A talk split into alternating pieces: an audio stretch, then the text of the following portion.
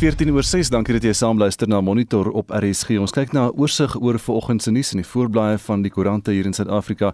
Die burger vandag het 'n berig wat sê die Kaapse Hinks komedie ding wen die July Veteran en dis 'n foto van komedie ding. Alles een woord, dis die perd se naam. Hy het Saterdag die Durban July Perde Veteran gewen.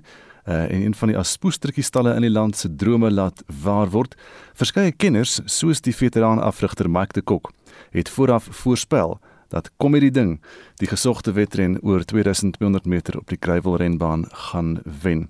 Die groot hoofberig op die al die koerante vandag gaan oor Jacob Zuma.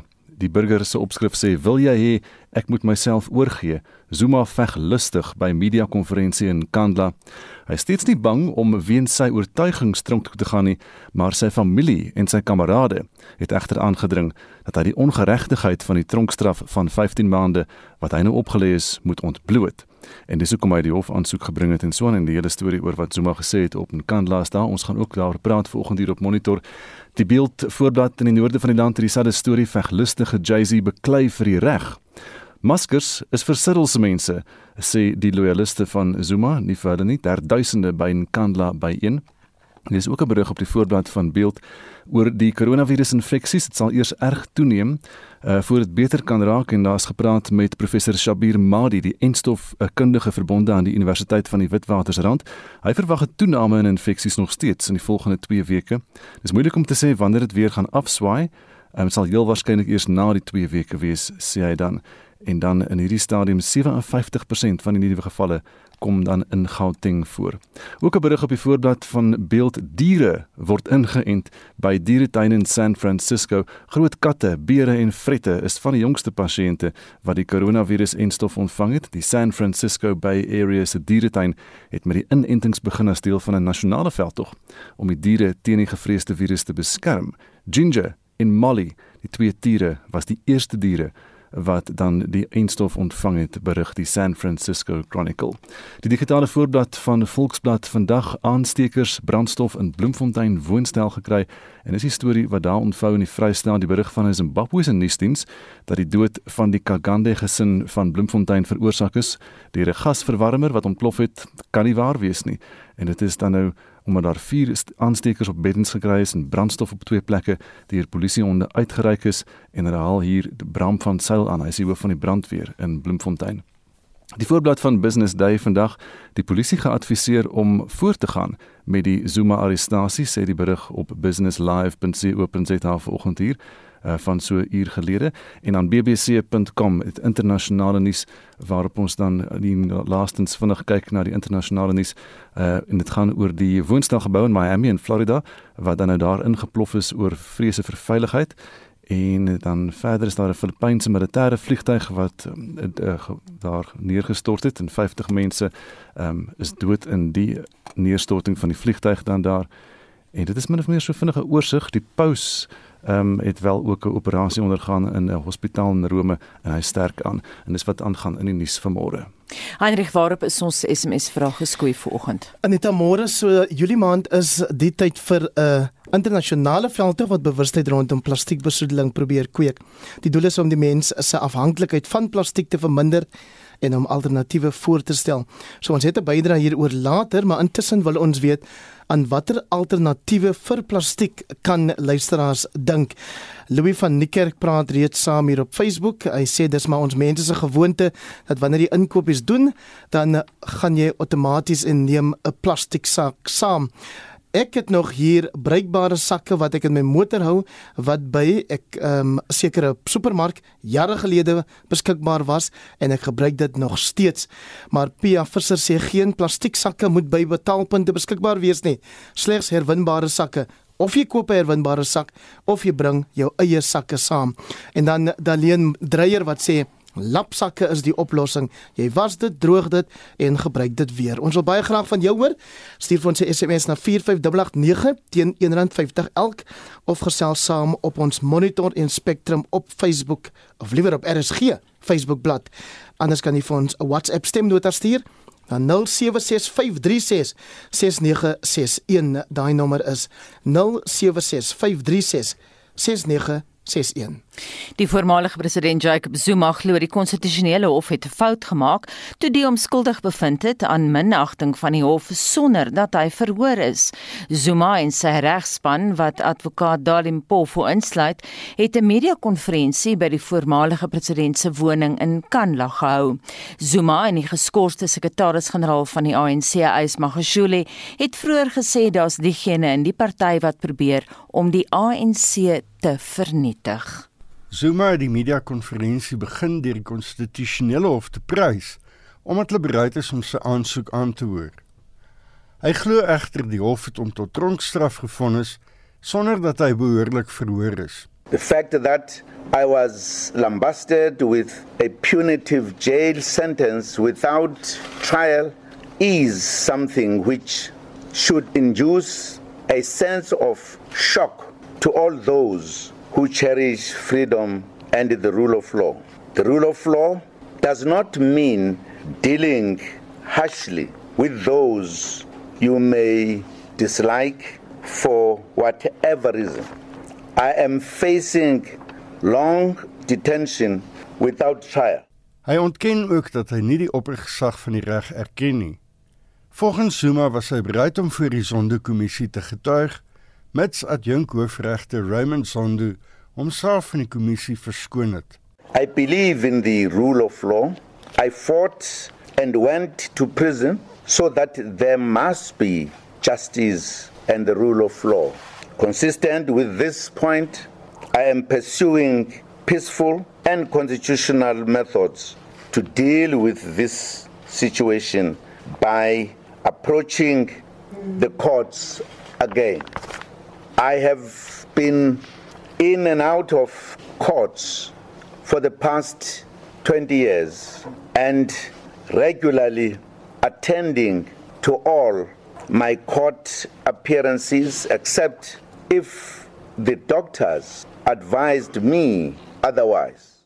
Die geskorste sekretaris-generaal van die ANC, Ys Magashule, het vroeër aan tientalle Zuma-ondersteuners gesê dat daar 'n smeerveldtog deur sekere ANC-leiers is wat daarop gemik is om die ANC te vernietig. They want to finish the African National Congress. They want to disband every branch. They want to disband and remove comrades. When they disband you as a branch, you must still be a branch. When they disband a branch, a region, you must still remain a branch and a region because you were elected. Zuma glo die konstitusionele hof het nie sy swak gesondheid en ouderdom in ag geneem toe hulle hom tot 15 maande tronkstraf gefonnis het nie. Zuma se aansoek om die uitvoering van die vonnis te keer sal môre in die Hooggeregshof in Pietermaritzburg aangehoor word. Die konstitusionele hof sal sy aansoek om die tersydestelling van sy vonnis op 12 Julie aanhoor. Hierdie bydra van Wusi Makosini in Durban en ek is Hendrik Martin vir SAK nuus. Dis 22 oor 6 nou Afriforum gaan intussen aansoek doen om as vriend van die hof in oud-president Jacob Zuma se hofsaak toegelaat te word. Kali Kriel is die uitvoerende hoof van Afriforum. Afriforum het besluit om toe te tree tot die hofsaak van voormalige president Zuma juis omdat ons wil uitwys dat die spesiale behandeling wat hy tans ontvang 'n ernstige skending van die beginsel van gelykheid voor die reg is. Ons as gewone landsburgers sou tog nie dieselfde voordeel gekry het nie. En daarom is dit belangrik dat ons as gewone burgers standpunt inneem en dit is presies wat Afriforum doen. Waar natuurlik die konstitusionele hof se aanvanklike uitspraak wyd geloof is as 'n oorwinning vir gelykheid voor die reg het hierdie nuwe verwikkelinge nou tot gevolg dat daar ernstige skade aan die geloofwaardigheid van die regbank aangerig word. Die stem daarvan Kali Kriel en hy is die uitvoerende hoof van Afriforum. En ons bly by die storie 'n regskenner verbonde aan die Universiteit van Pretoria, Llewellyn Kaloos, gee meer besonderhede oor wat Zuma se aansoek om tersydestelling van die konstitusionele hof se uitspraak presies behels. Wat die aansoek voor die grondwetlike hof gaan behels en dit lyk vir my daar's reeds 'n datum vasgestel deur die grondwetlike hof wanneer hulle dit gaan aanhoor is vir die tersydestelling van die bevel wat hulle van tevore gemaak het. In terme van die grondwet artikel 167.3 en 167.6 saamgelees met reël 29 van die reëls van die grondwetlike hof en reël 42 van die eenvormige hofreëls in siviele proses is dit moontlik om by hof aansoek te doen dat hy sy eie vorige bevel kan uh, tersyde stel. Met ander woorde doeteenvoudig wil Zuma hê dat die hof moet erken dat hulle verkeerd was en hulle eie bevel herroep. Dit is wat die aansoek aanbetref. Wat sou die implikasie van so 'n besluit hê op ons regstelsel? Kyk, die siviele proses maak voorsiening vir om in sekere gevalle sodanige aansoeke te bring maar dit is gewoonlik dan oor uh, verskeie ander redes onder andere die feit dat 'n uh, hof byvoorbeeld nie oor al die inligting beskik het toe hulle die bevel gemaak het nie of dat die aansoek in die eerste plek nooit op die applikant geleaseer was nie. In hierdie geval as jy my vra dan is nie een van hierdie uh, gevalle wat erkende gevalle is in die reg van toepassing nie. Daar moet ook baie duidelik onderskei word tussen siviele proses en strafproses. Onthou, die meerderheidsuitspraak het by implikasie om skuldig bevind aan 'n misdaad, naamlik minagting van die hof en vir hom 'n sanksie opgelê ooreenkomstig die reg wat eintlik vervat is in artikel 276 van die strafproseswet. Dit beteken by implikasie probeer Zuma nou omdat dit hom pas anders as van tevore die beginsels in die strafproses toepas op siviele verrigtinge want nêrens in die strafproseswet word voorsiening gemaak vir hierdie tipe van tersydestelling nie. As jy 'n saak in die strafhowe wil verander, uh, met ander woorde jou vonnis wil verander kry of jy wil die uitspraak verander kry, dan moet jy 'n appel leer of 'n hersieningsaansoek leer. Daar is nie sprake van tersydestellingsaansoeke in die strafproses nie. So in dit net dit op dis baie tegnies.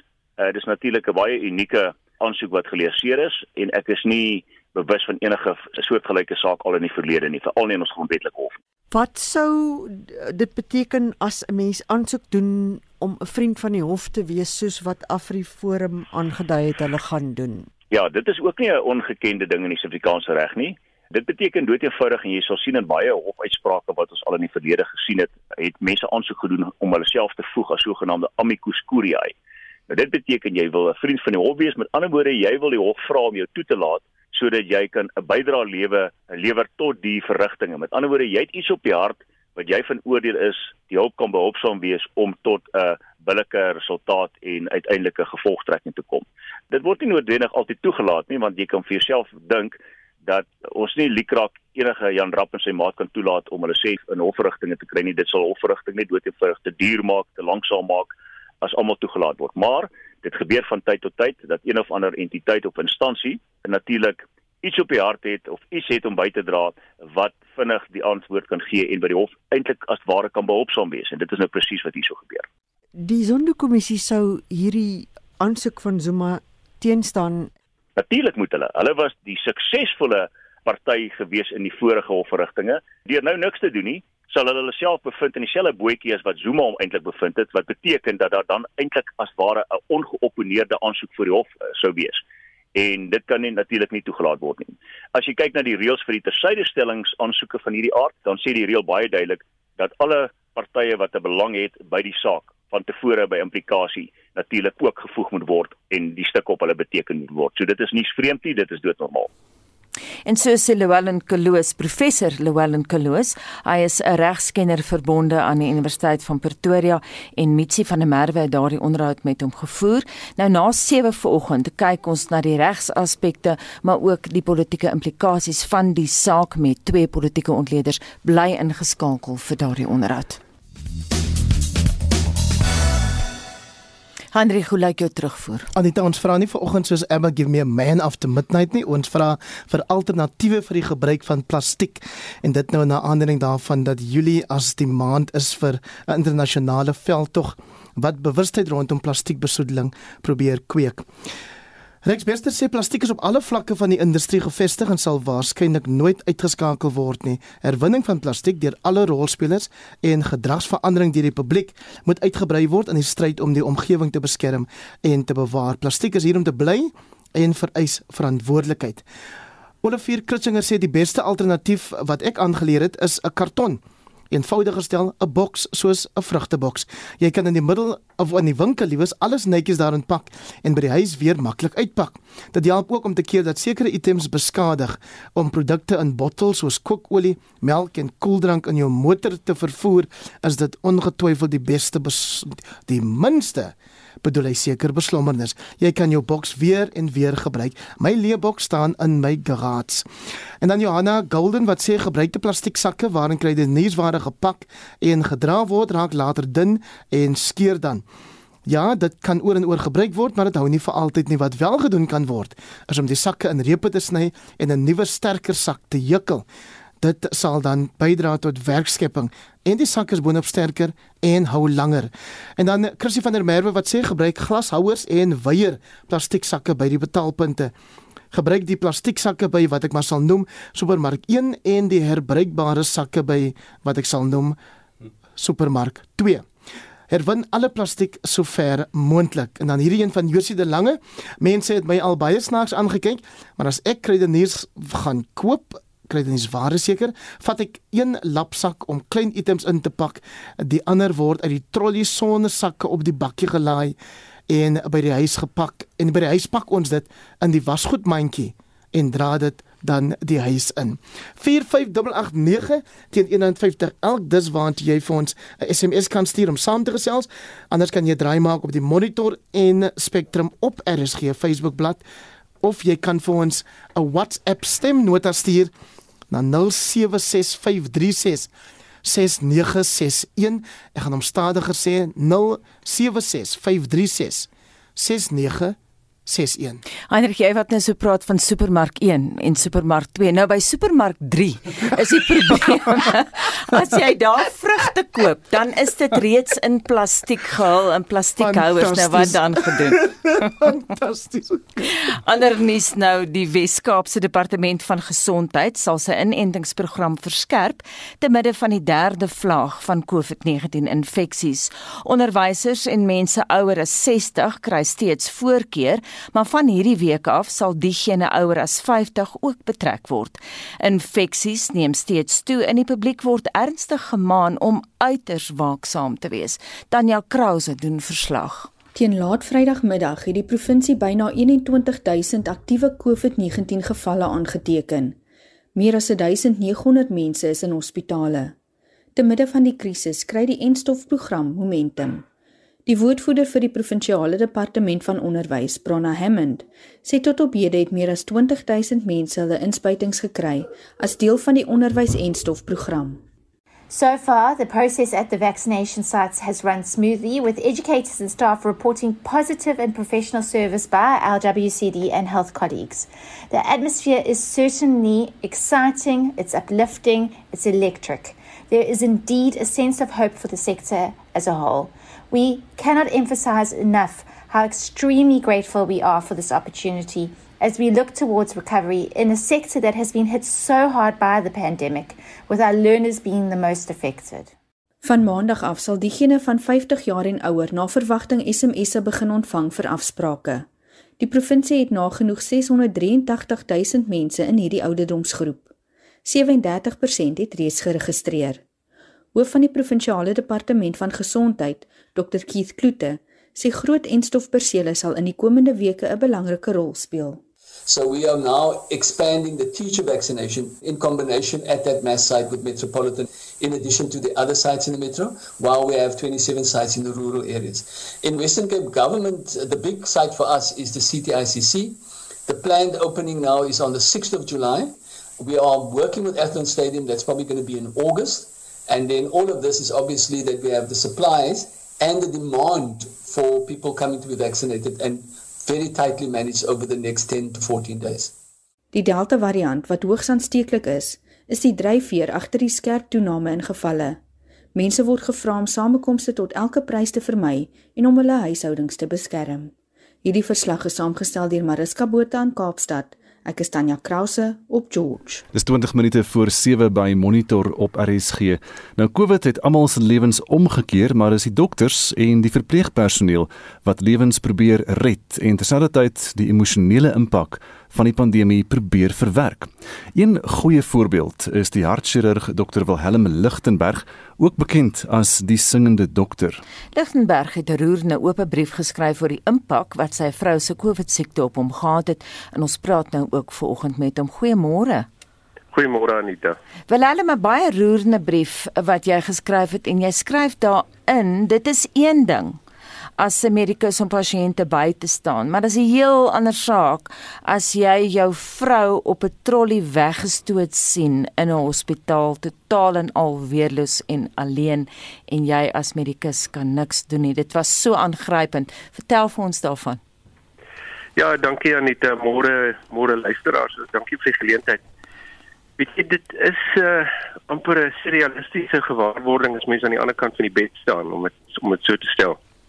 Ehm um, my vrou het siek geword en ons het maar hier by die huis probeer om haar uh te probeer verpleeg, maar op 'n stadium besef mense jy kan nou nie eintlik meer nie want jy vlieg bind, jy het nie die monitors en die toerusting nie.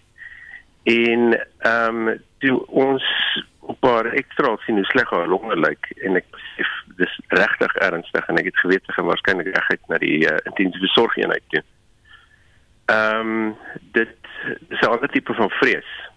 Dis in in die magteloosheid en in in die hulpeloosheid. Nie ironie is dis iets wat 'n mens elke dag van jou werkende lewe doen en skielik uh, is jy aan die ontvangkant daarvan en en dis verwarrend en mens en en, en mens is net so ongelooflik hulpeloos.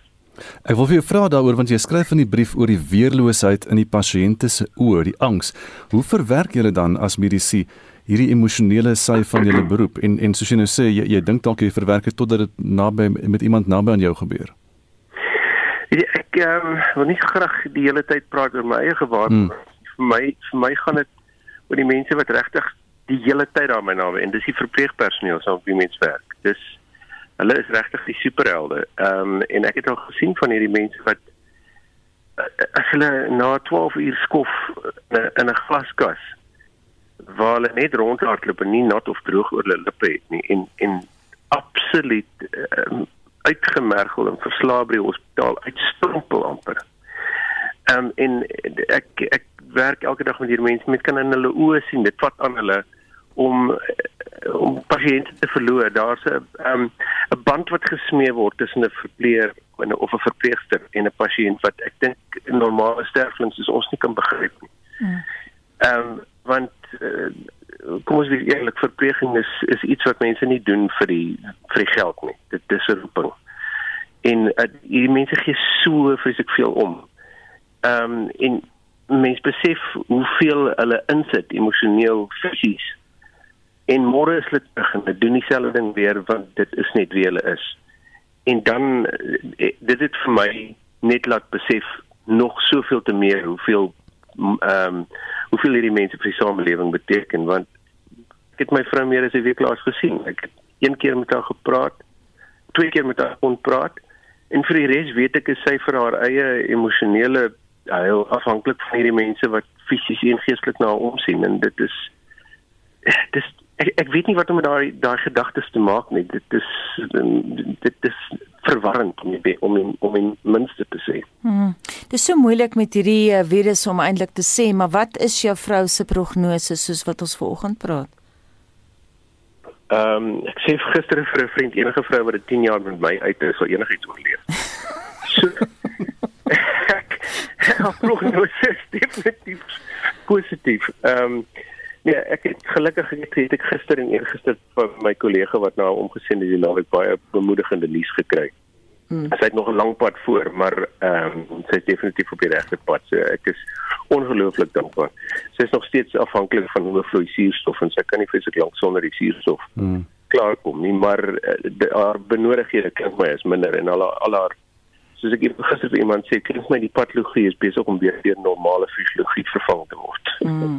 Ek wil tog terugkom na iets wat jy gesê het dat uh, die verpleegpersoneel is baie belangrik. Natuurlik is hulle ons vat niks van hulle af weg nie, maar ek wil ook niks wegvat van die dokters af nie. Ek het verlede week sommer van die rekord af 'n gesprek gehad uh, met Kloete van Vuren wat 'n baie hoë profiel Suid-Afrikaanse pasiënt behandel het, 'n baie bekende persoon.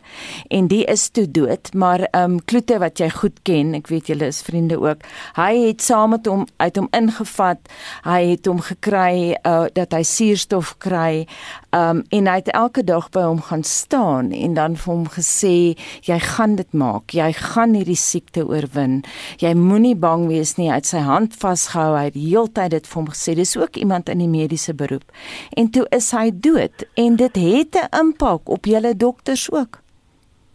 Ja verseker verseker. Ek dink nie enige normale mens kan ehm um, in so ehm uh, noue verband met iemand uh omgaan sonder om daai band te smee en betrokke te raak nie. Dit en altyd is vir my altyd my een van die slegste goed om ehm um, ek wil ek dink enigiemand wat 'n oop hart operasie in die gesig staar is maar baie bewus van hulle ehm um, sterflikheid en om daai vrees in 'n pasiënt se oë te sien en die familie en dan die verantwoordelikheid te voel dat ek vir hulle moet verseker maar dit gaan oukei okay wees. Die prognose is goed, die mortaliteit verband ehm um, verbonde aan 'n aan 'n rotine ehm um, kroonaromleiding is in die uh om is in die omtrek van omtrent 1 tot 2%. Hm.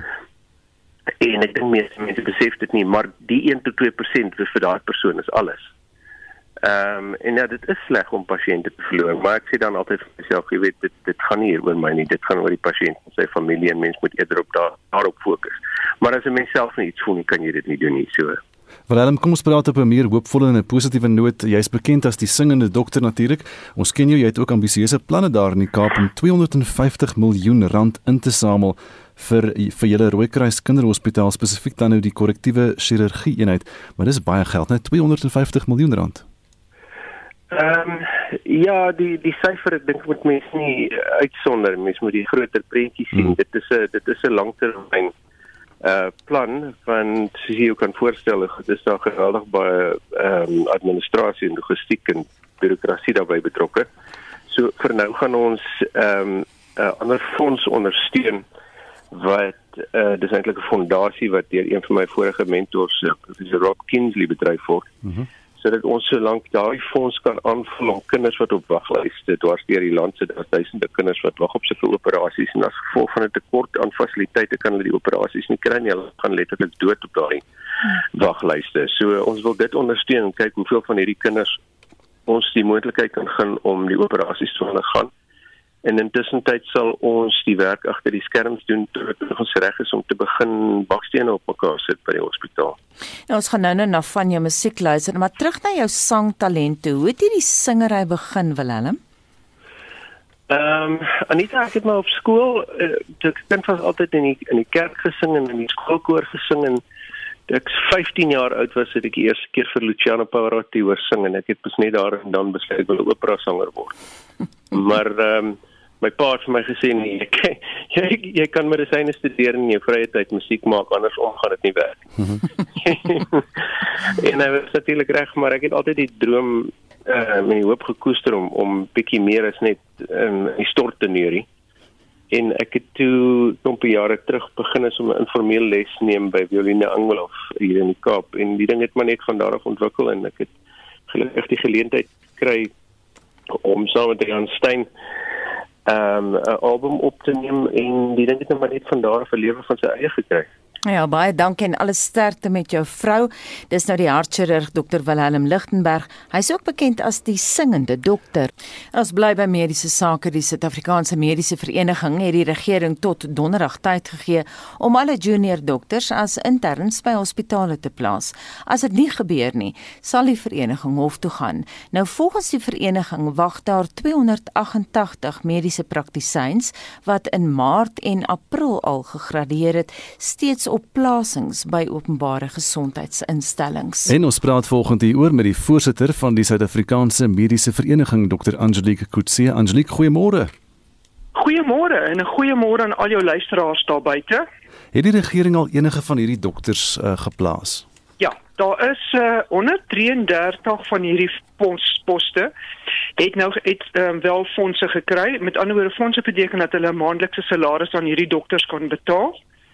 So dit is nou uitgesorteer.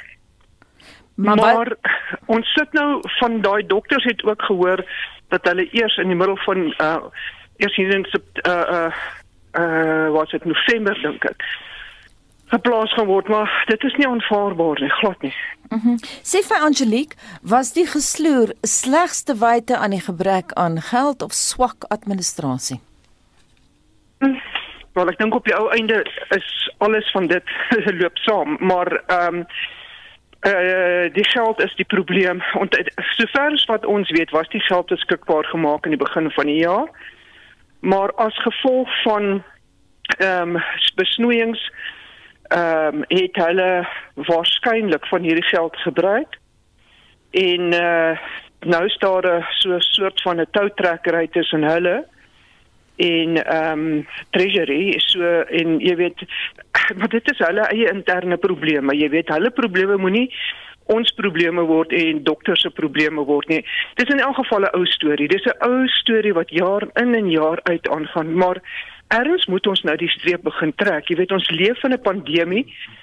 Ons het regtig dokters nodig. Nou hierdie dokters gaan jy nie. Ek dink dit sal bitter onregverdig wees om hierdie dokters in die frontlinie te sit en te verwag hulle moet nou COVID pasiënte sien. Hierdie dokters het ons nodig om in hulle blokke um, waar hulle sê nou maar ehm um, hulle doen interne uh, of of of ginekologie blok dat hulle daai pasiënte in daai klinieke aan die gang vir ons hou en dat ons hulle daar help en ondersteun.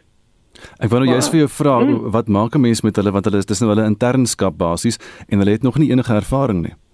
Ja, dit is so. So dit is die so so jy moet hulle nou vir 2 jaar moet hulle onder toesig werk. Nou ons weet ook dit word verskriklik misbruik. Ons weet dat hierdie jong ouetjies ehm um, word sommer oral ingedruk. Jy weet uh jy dit is amper soos jy's die jongste daar en jy gaan nou maar almal se se se werk moet doen en ehm um, en dit is totaal onregverdig teenoor hierdie klomp.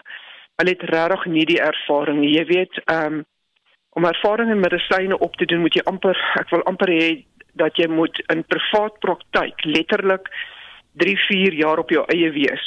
Dis hoe jy medisyne leer nadat jy deur al jou ander studies gegaan het wat verpligtend is. Uh jy het ervaring nodig. Ervaring kom nie waar waar daar ehm um, 'n klomp mense oor jou is nie want jy kan ook altyd verwys, verstaan, jy hoef nooit die probleem uit te sorteer nie. Hmm. Maar op hierdie vlak waar hulle is, het hulle alle ondersteuning nodig. Net terug uh, laasens na die hofsaak self toe. As jy nou wel hof toe gaan Angelique, op grond waarvan sal dit wees? Op grond waarvan dat hulle die wet verbreek het. Ek bedoel dit is die dit is dit is wat die ehm uh, dis is 'n statutêre verpligting dat hierdie moet gebeur ons uh, weet dat hierdie studente het reg aansoek gedoen. Hulle het aansoek gedoen wanneer hulle moes aansoek gedoen het. Hulle het die prosesse reg gevolg. Ehm um, so die feit dat daar nie geld is nie, moenie hulle probleem word nie. Dit is nie hulle dit is dit is 'n regeringsprobleem. Baie dankie. Ons sal beslis daai storie volg dit dan Dr. Angelique Kutse, sy is voorsitter van die Suid-Afrikaanse Mediese Vereniging. En so gepraat van die SMS'e hier sit Hendrik dan nou voor my. Daar word SMS'e gestuur Anita oor ons vraag vanoggend en dit is naamlik wat se alternatiewe stel jy voor vir die gebruik van plastiek sien dat ons hierdie maand internasionaal 'n plastiekbewustheidsmaand wil maak. Maar kom ons luister eers na hierdie twee stemnotas. Ek gebruik die sakke wat mens koop by die supermarkte en dan gebruik ek dit oor en oor en oor en hulle beskeer nie so gou nie of mens kan jou eie sakke maak en as jy nou praat van supermark nommer 1, 2 of 3 dit hang seker almal af wat een is jou nommer 1 so maar my nommer 1 begin met 'n C en en uh as jy daar sou kom met 'n hulle plastiek sak wat jy gekoop het wat langer hou dan vergoed hulle jou met met met met 50 sent omdat jy daai spesifieke sak bring na die winkel toe om jou kruiniersware in te pak. En kom ons maak dit 'n maand van geen plastiek toegelaat in my in my kar in my huis. Hi, RSG, ons hulle beskag nie van Centurion hierso. Ek wil maar net noem dat uh, plastiek sakke, sover ek bewus is uit die ander mense se navorsing wat ek al gesien het, word nie op die oomblik meer herwin nie. Dit was altyd na China toe uitgevoer. Ek weet nie of Suid-Afrika dit spesifiek gedoen het nie, maar Amerika het ehm um, hulle daar herwin, maar dit het eintlik die land meer gekos as gebaat en toe hou hulle op daarmee. So op die oomblik sover ek bewus is word dit maar net uh, weggegooi. So 45889 dis die SMS nommer waarna jy vir waarheen jy vir ons 'n SMS kan stuur teen 150 elk en ek sal van daai terugvoer bring net so na rondom 7:30. En dis in bly ingeskakel want na 7 kry ons uiteenlopende menings oor die Zuma drama van die afgelope naweek. Bly ingeskakel vir onderhoude met onder andere Richard Spoor en dan ook Antoni van Niekerk. Bly ingeskakel vir daai onderhoude. Dit bring ons by 7 uur.